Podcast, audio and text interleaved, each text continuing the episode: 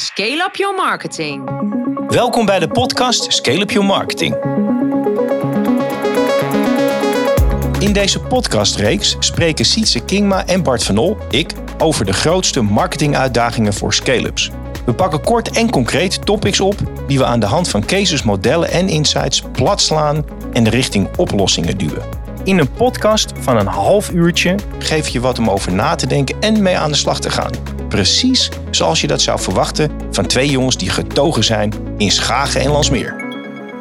Hey Siets, Hey Bart, waar gaan we het over hebben vandaag? deze aflevering gaan we het hebben over account-based marketing. Dat is een hele specifieke en intensieve vorm van lead generation, waarbij je een aantal klanten die voor jouw organisatie een hele hoge waarde hebben of zouden kunnen hebben, eh, wil bereiken en benaderen. Dus van reguliere marketing richt je, richt je wat meer op een, eh, een hele markt en nu richt je je echt op een groep klanten. Ja, heel specifiek. Dus Schieten met scherp in plaats van eh fuiken of hagels. Eigenlijk veel meer gerichte marketing. Ziets, waarom is dit een topic? Ja, je zou je moeten voorstellen dat je verliefd bent op een meisje, Bart. En je, je weet waar ze woont. Daar woont ze. Je Ja. weet hoe ze heet, je weet hoe ze eruit ziet. Je kent haar een beetje. En wat doe je dan? Nou, dan zou je de hele stad vol kunnen hangen met eh bushokjesposters, met eh bel mij... Abri-campagnes. eh, Abri-campagnes, noem maar op. Maar ik denk dan, als je weet waar ze woont, dan kan je misschien het beste op de deurbel drukken en kijken of je gewoon het gesprek aan kan gaan met, met je lover. Dat is in een notendop account-based marketing. Dus niet heel groot schieten met hagel en wachten tot er iemand naar je toe komt, Maar maar schieten met scherp. schieten met scherp. Ja.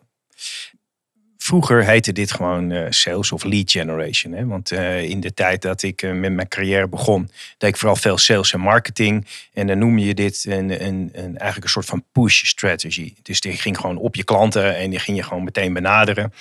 Ehm, en toen, nou ja, toen ik, laat ik het zo zeggen, zo rond de 30, zo'n 5 à 10 jaar nadat ik was begonnen met werken, toen ging het steeds meer naar pool. Pool marketing, eh, gingen we steeds meer campagnes. Zag je de, ook steeds met de 4-hour workweek. Je gooit wat dingen op Google en, en dan ga je met pool mensen binnenhalen. Precies, Ja. en dan komen mensen eh, steeds binnen. Dit klinkt, hè, als ik je nu zo hoor, klinkt het dat, je, dat, het, dat het ook wel meer naar push gaat. Wa- Waar, waarom is dat?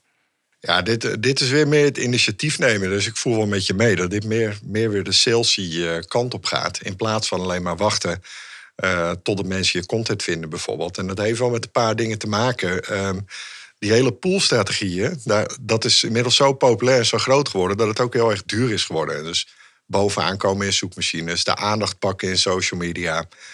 Het is compleet overspoeld natuurlijk. Dus probeer er nog maar eens tussen, tussen te komen. Dus zou je, zou je dan kunnen stellen dat de poolmarketing wat meer volwassen is geworden in, in de afgelopen tien jaar? Of komt dat meer doordat alle grote clubs eh, daar heel veel geld aan verdienen? Wat, wat, waar, waar komt het?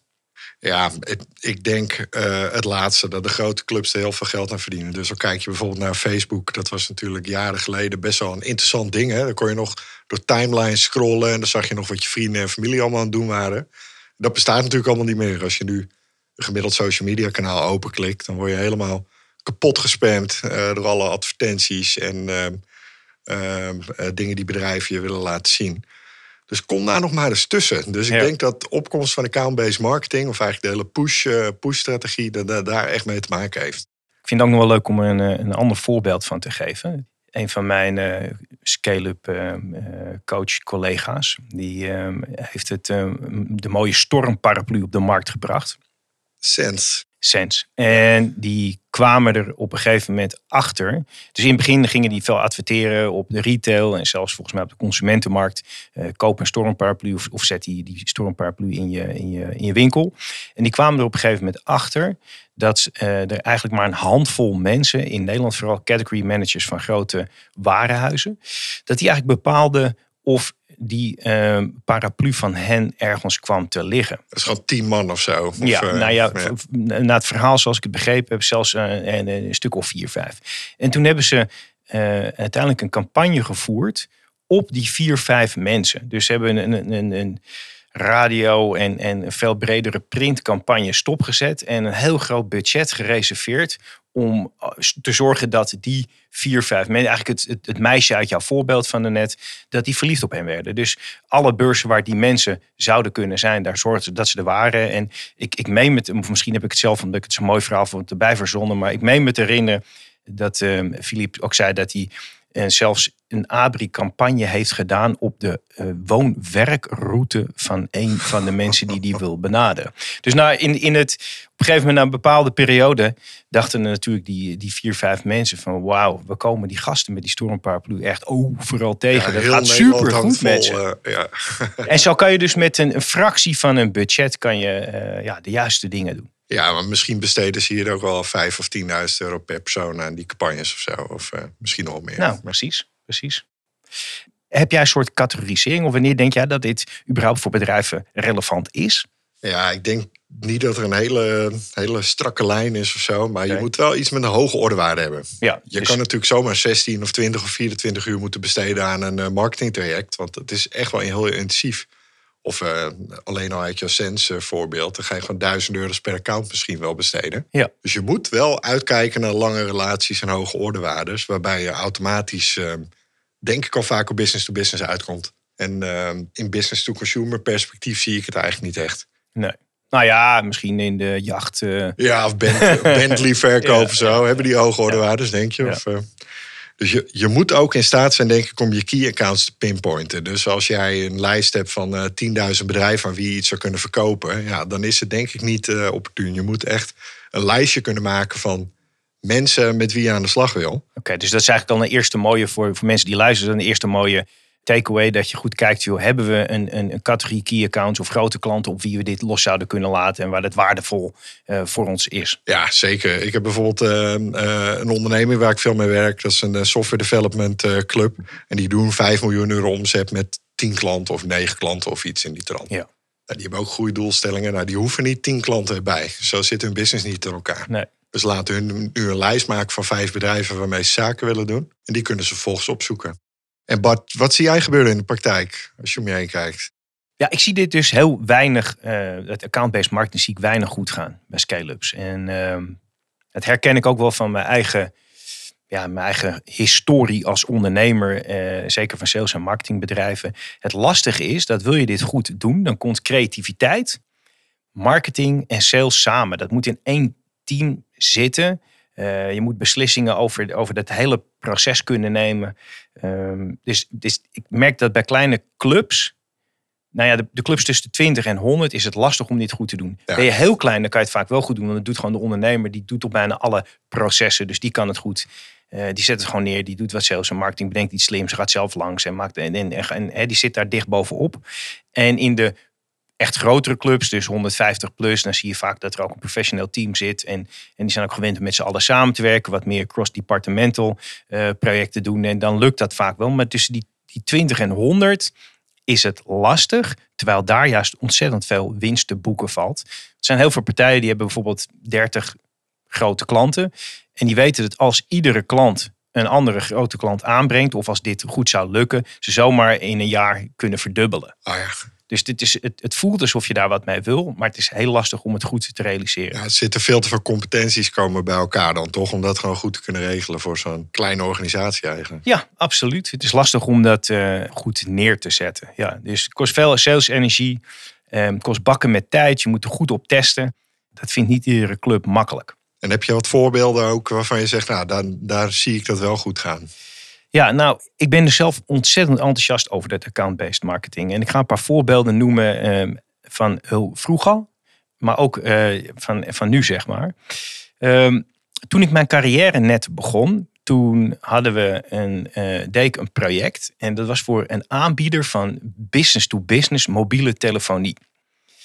En nou, ik mocht zelf die, die actie bedenken en ook uitvoeren. Wat deden we? Ik ging met een hele lelijke jas aan. Ging ik bij bedrijven naar binnen. Gewoon nog fysiek, hè? dus moet je even voorstellen naar binnen lopen. Ding dong, ding dong. En dan vroeg ik van, joh, uh, wie is er verantwoordelijk uh, hier voor mobiele telefonie? Dat was vaak in kleine clubs de ondernemers of soms iemand van Office. En wat ik dan deed, is dat ik uh, naar binnen ging en ik zei... Mevrouw, meneer, ik wil u vijf vragen stellen over uw mobiele telefonie en een kopie van uh, uw laatste factuur. En dan pakte ik een wekkertje uit mijn zak. Dat wekkertje dat zette ik op het bureau van de directrice. En die klikte ik uit en zei: Dit wekkertje gaat af om vier uur vanmiddag. Voordat die wekker is afgegaan, heeft u van mij een vrij blijvende offerte. Waarin staat hoeveel kosten u kunt besparen door over te stappen naar de, de, de, de, waarvoor ik toen werkte. Dat deden we toen, dus dat was gewoon live. En, en we uh, targeten we wat meer op gebieden. Dus we gingen gewoon overal langs. Van de industrieterrein aflopen of zo, en, kan vast. Ja, en, ik, uh, en dat was natuurlijk een andere tijd, hè, want ik ben echt heel oud. Maar ik kwam vrijwel overal binnen. Als iemand er was, dan, dan kreeg ik ook vaak. Want het kostte natuurlijk vier minuten wat ik aan het doen was. En uh, uiteindelijk vulde iedereen wel eventjes die vragen in. En converteerde dat best aardig als het goed opgepakt werd. Nou, dat is een hele vroege vorm uh, waarin we dat deden. Maar ik zal er nog eentje vertellen. Ik heb, toen ik het bedrijf Perpermines deed. Toen was ik heel erg op zoek naar... Uh, naar marketeers. Ik moest vooral hebben van een paar marketingmanagers van grote B2C bedrijven die veel uh, abonnementen, transacties of, of uh, high value uh, campagnes wilden doen. Nou, wat wij toen deden is wij hadden een, wij maakten eerst een lijst van oké, wie willen we hebben? Wat zijn de, de 20 partijen met wie we in gesprek wilden? Um, en hadden we hele grote post-its, maar echt heel groot, dus echt A0 formaat post-its. Ja. En dan lieten we een team post-its plakken in de omgeving van het bedrijf. Nou, stel je voor dat daar uh, Truus Jansen werkte als marketingmanager. Dan zeiden we op, schreven op die post-its, schreven we uh, Truus J. Wil je hem alsjeblieft bellen voor een afspraak? En, en dat plakten we. En uh, Truus J, ik, ben zo, ik wil zo graag met je in gesprek. Dat, dat soort dingen. En dat plakten we dan op de, op, op de voordeur van het bedrijf en daar in de omgeving, et cetera. Met daaronder een, een 06-nummer. Nou, dat 06-nummer was van een telefoon die we bij ons op kantoor hadden liggen. En wij wisten dus dat als die telefoon afging. Dat was Truus. Dat was Truus. Ja, en, en het mooie was dat zelfs mensen die op vakantie waren, die werden gewoon door collega's veel. Ja, ja, ja Truus, uh, moet je luisteren. Zit hier iemand. Uh, de, de, overal worden er, uh, hangen er hier post-its. Wij willen weten wie dat is. We zijn nieuwsgierig.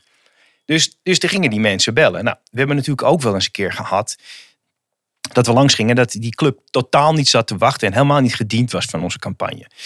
als ik dat nu zouden doen met. Ja, wordt je deur ingetrapt. Word je deur ingetrapt ja. en zie je een paar kogelgaten in je deur. Maar in die tijd kon je dit soort dingen nog flikken. Nou, dus dan, dat deed ik. En wat hadden we gedaan? We wisten wel, of we dachten wel dat er wel eens iemand zou kunnen zijn die er niet fijn vond. Dus we hadden een team klaarstaan die meteen hup, naar naartoe ging, alles weghaalde, bloemetje, fles champagne bracht en zei: sorry, sorry, sorry, sorry, sorry. En met welke partij gingen we het eerste zaken doen van de hele campagne? Die partij. Want als je die fout maakt, je lost dat goed op. Nou, dit, was, dit, was nog, dit waren eigenlijk wat meer bredere eh lead-campagnes. Maar toevallig. Nee, ik wil toch nog eerst één ding over zeggen. Over die, diezelfde lead-campagnes met die marketingmanagers. Het was voor ons altijd heel lastig om marketingmanagers om daarmee in gesprek te, te komen. Zeker die we graag wilden hebben. En we organiseerden allemaal inhoudelijke dingen, seminars en dan, eh, echt, echt, echt iets heel leuks waar we ze persoonlijk op uitnodigden. Nou, een aantal zeiden wel dat ze zouden komen, maar uiteindelijk op de dag zelf kwam er niemand. Maar ik had in die tijd ook nog een strandtent. En dat heeft niks te maken met alle dingen, maar dat, opeens hadden we dat. En, ehm, en op die strandtent organiseerden we een uh, kreeftenbarbecue. En toen bedacht mijn super slimme Doris, laten we die marketingmanagers gewoon uitnodigen voor een avond kreeftenbarbecue. Misschien dat dat werkt. Nou, ziet, ze kwamen niet alleen iedereen die kon kwam. Maar we kregen belletjes, mag ik nog iemand meenemen, et cetera, et cetera. En toen leerde ik over marketingmanagers, sorry jongens, dat ze eigenlijk gewoon veel meer interesse hebben in met elkaar champagne drinken, kreeft eten, dan op inhoud uh, Ja, met die dingen te zitten. Had je geen strandtent hoeven kopen, had je mij ook gewoon voor kunnen bellen. Ja, nou, maar goed, ik, we hadden dat ding. Anyways, dat zijn even wat voorbeelden eh, van account-based marketing die ik heb gedaan. Waar ik altijd veel lol uit heb Ook een gehad. beetje guerrilla marketing. eh, Ja, dat eh, was in die tijd denk ik eh. meer de term die jij nu gebruikt. Ja. Hey, en en, en hoe, kun jij eens wat voorbeelden noemen? Hoe werkt dat bij jullie? Ja, ik zat zelf te denken aan een eh opdrachtgever van ons. Die is actief in een kantoorinrichting. Dus die zorgt ervoor dat, eh, weet ik wel, dat iedereen lekker zit. En dat je goed ingerichte vergaderzalen hebt en dat soort dingen. Ja. En die proberen natuurlijk eh, te groeien. Dus we hebben echt met hun gekeken toen... eh, wat voor sectoren moet je nou hebben? Waar, waar gebeurt het nu in? Ja. Nou, dan ga je toch kijken naar eh, partijen die echt gigasnel groeien. Gewoon meer dan 100% per jaar. Dan zit je bij fintech-achtige clubs, cloud, eh SaaS-achtige organisaties. Er zit natuurlijk zoveel groei. Dat ze heel vaak nieuwe kantoren nodig hebben. Dat er heel vaak nieuwe mensen zijn die ook allemaal weer moeten zitten. Dus voor Ja. kantoorinrichters is dat natuurlijk mega. Dus wat we hebben gedaan, we hebben een lijst gemaakt, specifiek ook in hun regio. ehm, van partijen die inderdaad eh, binnen dat profiel passen. Ja. Hebben we ehm, vervolgens die lijst helemaal aangevuld. Met lookalikes en andere partijen. Ja, precies. Met scraping eh, hebben we uit openbare bronnen, maar ook een Moet je even LinkedIn. uitleggen, scraping. Ja, precies. Dus wat, wat we doen, we hebben bedrijfsnamen. En dan Mag je scrapen? Eh, ja, in principe wel. Je mag gewoon, als het openbare informatie is op internet, dan mag je dat daar natuurlijk gewoon van afhalen. En of je dat nou zelf doet of een machinetje, doe dat. Dus Ja, dat, dat scrapen is dat verzamelen, dat overal Ja. stukjes informatie vandaan halen Ja. om die lijst namen en, en gegevens te geven die je kunt opvolgen. Precies, dus 100% van de bedrijven op die lijst krijgt de CEO erbij. Eh Tweederde van alle bedrijven op die lijst krijgt ook het persoonlijk e-mailadres van die CEO erbij. Dat kunnen we allemaal gewoon vinden op internet. Ja. Mag niet alles scrapen. LinkedIn bijvoorbeeld mag je niet scrapen. Dan word je van het eh, platform afgedonderd. Ja, dan word je weggescraped. Maar mega interessant. Dus dan heb je een complete lijst. Wat Ja. we dan volgens hebben gedaan is branding draaien op die lijst. Dus we gaan zeggen, iedereen die op die lijst staat, willen wij dat die op eh, LinkedIn, alle platforms van Meta en dergelijke. We kunnen zelfs kijken naar geofencing. Dus dan laten we in de buurt van Ja. het bedrijf laten we displays zien online. Ehm, En de brand, met branding bedoel je display? eh, ja, eh, display campagnes. ads en korte video's waarbij we in ieder geval mensen warm maken van hey, als je opnieuw gaat inrichten, kijk Ja. eens even naar deze trends. En dan vervolgens, als dat een tijdje gedraaid heeft, gaan we heel specifiek één op één die mensen contacten. Dat kan bijvoorbeeld zijn via e-mail, dat kan zijn via social media. En dan gaan we toch proberen om die mensen warm te maken voor een En eerste even, interactie. even, eh, toch even nog misschien iets specifiek, maar ik doe, doe je dat nadat je bijvoorbeeld zes of zeven keer impressies of dat je in de buurt bent geweest, heeft, zit daar nog een soort van stappen in, snap je wat ik bedoel? Dus ja, dat je, zeker. Ja? Dus dat eh, frequency werken we dan mee. Dus dan proberen we een bepaalde frequency op zo'n lijst eh, te genereren. Dus een beetje bingo Ja. natuurlijk. En dan gaan we inderdaad berichten en dan sturen we een mailtje.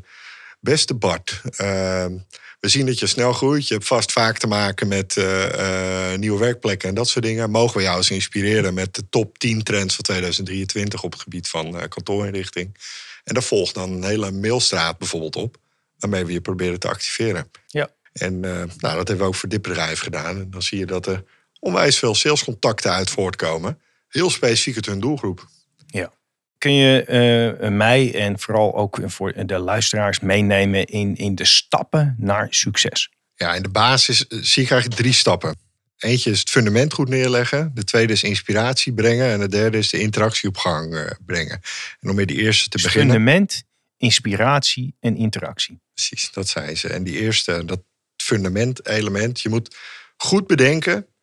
Wie wil ik gaan bereiken? Ja. Hoe ziet hun koopprijs eruit? En hoe ga ik ze daarin faciliteren? Want dat is eigenlijk wat je met account-based marketing doet.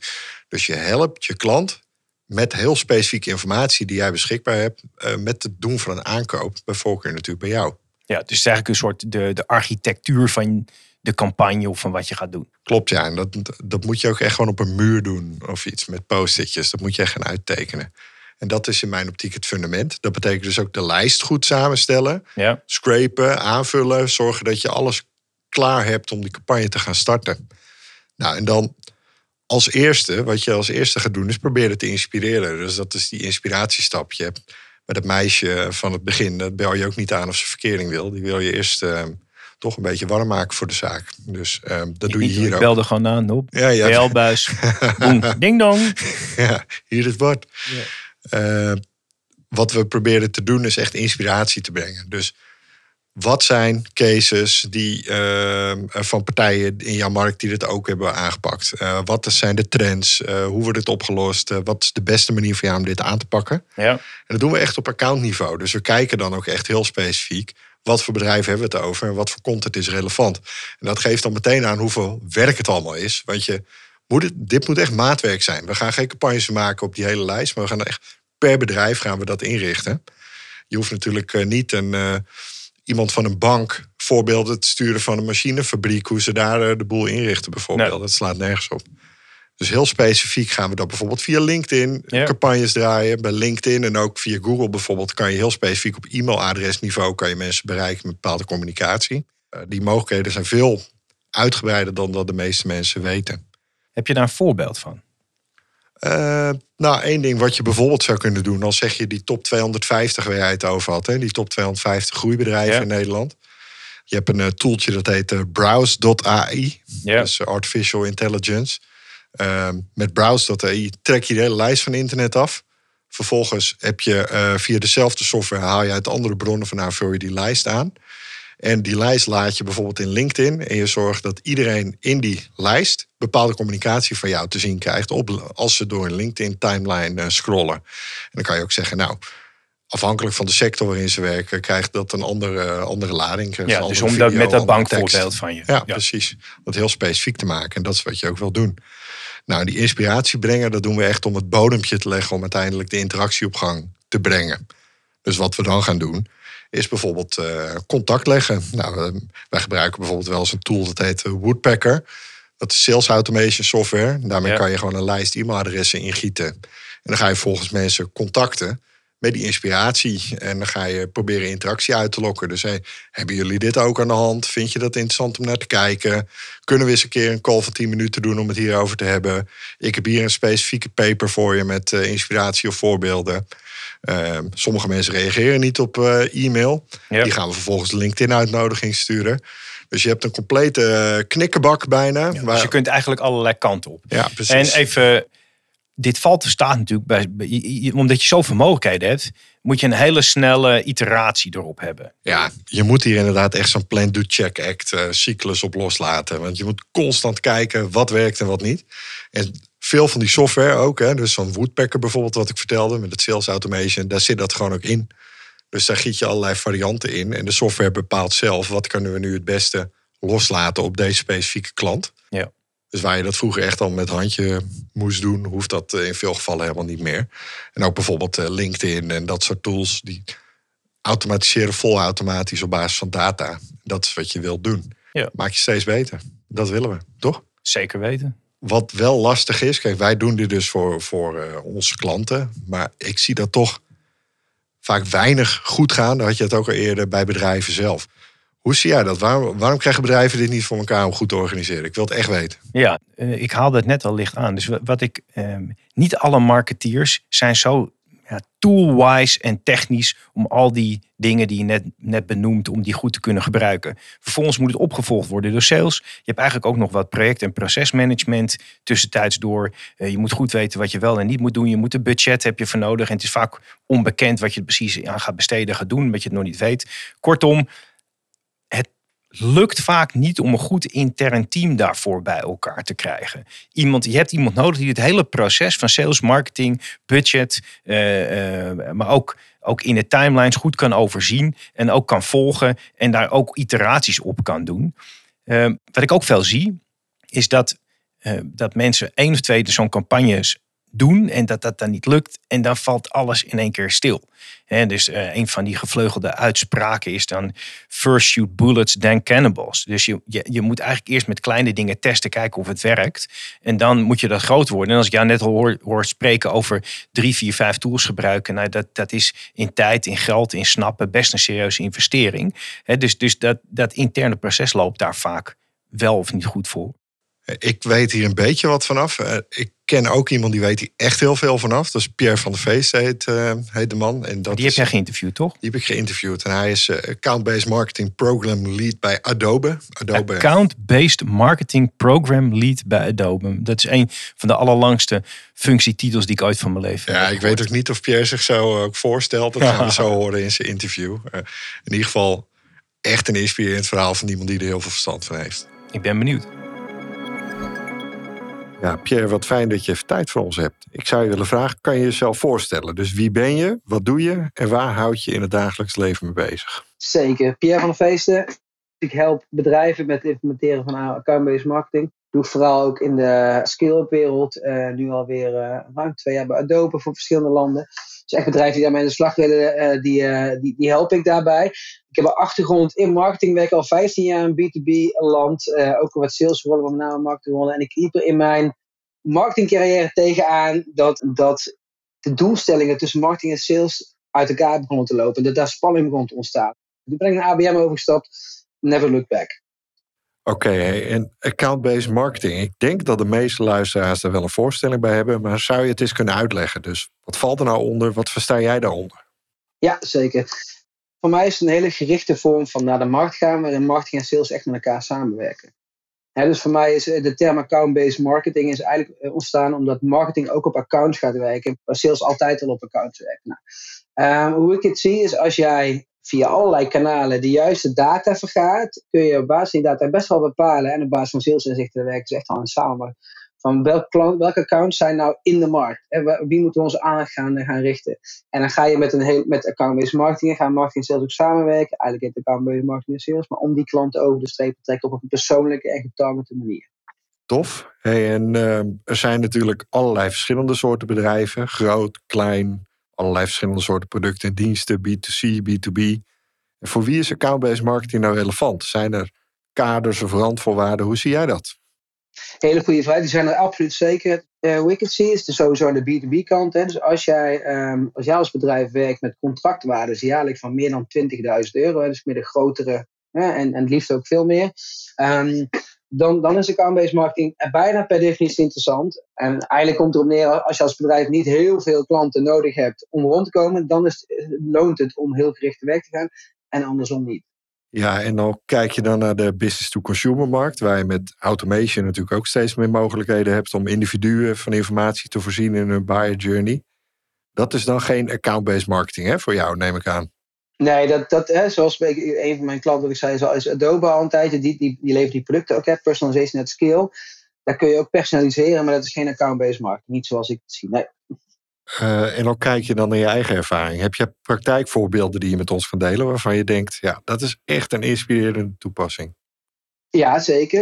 Nou, een mooie toepassing is dat je, uh, ja, ik noem dat zelf deal-based marketing, dat je dus een bestaande opportunity hebt. Hè? Dus uh, bijvoorbeeld een RFP, een aanbestedingstraject, een RFP is uitgebracht. Sales weten al heel veel van uh, wat er speelt, welke boodschap ze over willen brengen. Maar de, ze kunnen dat eigenlijk alleen maar overbrengen op momenten dat de klant vraagt: ja, je mag je demo komen geven marketing tot nu toe is eigenlijk eh, in de huidige, uh, heel veel huidige marketingstrategieën zijn er niet op ingericht. Met, met deal-based marketing binnenkwam, ga je dus heel gericht die boodschappen ook via digitale kanalen overbrengen naar de belangrijkste stakeholders. Dat is een voorbeeld van one-to-one ABM. Dus dat is ook een veel bredere DMU bereikt door de Decision Making Unit.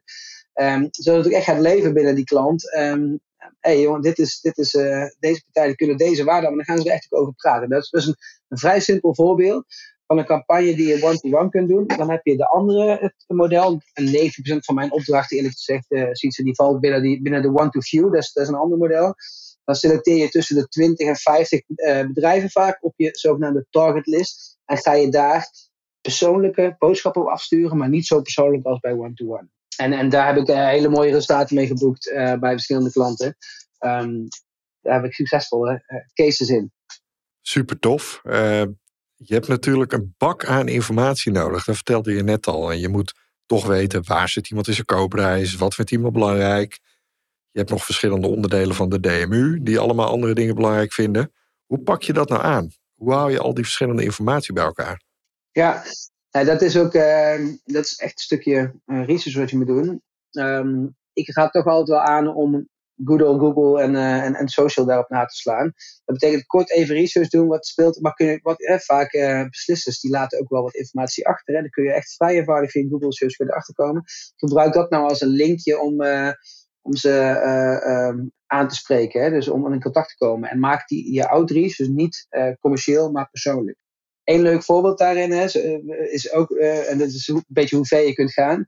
Um, naast Google uh, kun je ook social uh, gebruiken. Um, nu vonden we, vonden, zo vonden we op Twitter dat een van de uh, IT-beslissers, echt een hoge pief in de organisatie, fan was van James Bond. En hebben daar onze marketing op aangepast. Hè? Dus met een James Bond-achtige flyer. Met, wow. Ik weet niet eens meer hoe de slogan was. Maar dat, dat werkte. Die deals gesloten. Echt een miljoenen deals. Super tof voorbeeld. Van, en dan moet je wel een beetje oppassen. Hè? Van, denk in Nederland zijn we daar wel nuchter in. Maar um, ander leuk voorbeeld in, wat circuleert in de ABM-wereld, waar ik ver van blijf, maar is in Amerika een uh, heel grote consultancyclub, die heeft er ook toegepast. Die ging een kaart brengen van waar wonen die beslissers. En op, op weg, op de, op de woon-werkroute van, van die personen naar het, naar, hun, bedrijf waar ze werken, als een billboards neergezet met persoonlijke messaging. Ja, dat, dat, dat is ook dat, dat, wordt, dat wordt voor mij uh, een beetje creepy. Um, maar zo ver zou je in theorie natuurlijk, in theorie kun je ver gaan. Ja, sommige mensen die luisteren zullen misschien denken: het is eigenlijk gewoon sales, toch? Dit gewoon een soort salesassistentie. Sales in de zin van verkoop, ja. Dus marketing gaat ook uh, zich bezighouden met, met verkoop veel meer. Ja, dat klopt. Eén afdeling met een iets bredere competentieset, voor mijn gevoel. Ja, ja een revenue afdeling, ja. ja, dat klopt. Precies. Maar zo zie ik marketing en sales ook. En ik, ik, ik vind dat we in de loop der tijd echt raar uit elkaar zijn gegroeid. is onnatuurlijk. We horen, de, we horen zo'n revenue team te zijn. Ja, dat ben ik met je eens.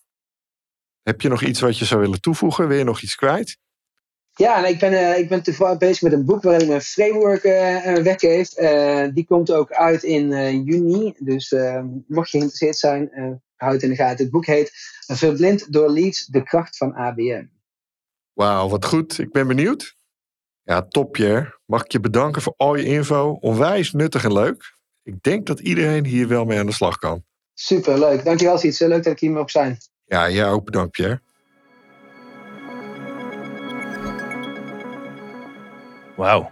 Ja, dus zo kan het ook. Ja, daar is zeker wel wat van op, hè? Leuk, ja. Mega interessant. Hey, en Siets, je, je begon er net al mee, hè? Het is tenslotte Scale Up Your Marketing podcast. Je hebt net al een paar uh, tools uh, benoemd. Kun je nog even kort als laatste afsluiter nog even wat, wat tips en wat tools bespreken? Ja, zeker. We zullen ook wat linkjes in de show notes uh, zetten, want anders is het een hele, hele lijst. Alleen een paar wil ik er echt wel uitlichten. Ja. Eentje, dat heet Answer the Public. Ik weet niet of je het kent, maar dat is een tool. Daar voeg je bijvoorbeeld je product en dienst in. Ja. En dan krijg je op basis van zoekgedrag een vrij helder beeld terug van vragen die worden gesteld door je doelgroep over die producten en diensten. Wauw. Heel interessant, want daar kan je natuurlijk volgens je contentprogramma op afstellen. Browse AI heb ik al kort uh, benoemd. Tool om internet leeg te harken met uh, data die je nodig hebt voor je campagnes. Ja. Uh, lead info gebruiken we heel veel. Software waarmee je bedrijven herkent die op je website komen en ook volgens kan zien wat ze doen. Zonder dat ze zichzelf nog kenbaar hebben gemaakt. Ja. Best wel interessant. Woodpecker heb ik al genoemd. Sales automation software. Waarmee je dus e-mail stuurt naar koude bestanden zonder dat het zo aanvoelt. En zonder dat je wordt afgestraft in uh, spamlijsten en dat Ja. soort dingen. En uiteindelijk wil je natuurlijk ook automation software inrichten. eh, en weer het hele proces zoveel mogelijk vlot trekken Ja. in software. Dan kom je weer bij de wat grotere clubs, toch? Ja, zeker. Dus eh, HubSpot is natuurlijk een tool die best wel eh, hoogdrempelig is. Die heel veel van dit soort dingen gewoon in één oplost. Ehm, Adobe, waar we Pierre over hebben geïnterviewd, is natuurlijk een heel goed voorbeeld van software waarmee je dit helemaal kan inrichten. En als je wat kleinschaliger wil starten, dan zou je bijvoorbeeld aan Active Campaign eh, kunnen denken. Daar draaien jullie zelf ook op volgens mij, Bart. Ja, hebben we ook gedaan. Wij, eh, wij zijn nu naar HubSpot aan het over. eh, Oh ja, stappen. top. Nou, dan ben je echt de volgende stappen maken. Dus Ja, hartstikke daisies. hop, gas erop. Als laatst vind ik het nog een, ehm, goed om, toe te voegen. Een beetje van mijn stokpaardjes. Maar probeer het, voor de luisteraars, probeer een hele eenvoudige vorm van account-based marketing te starten.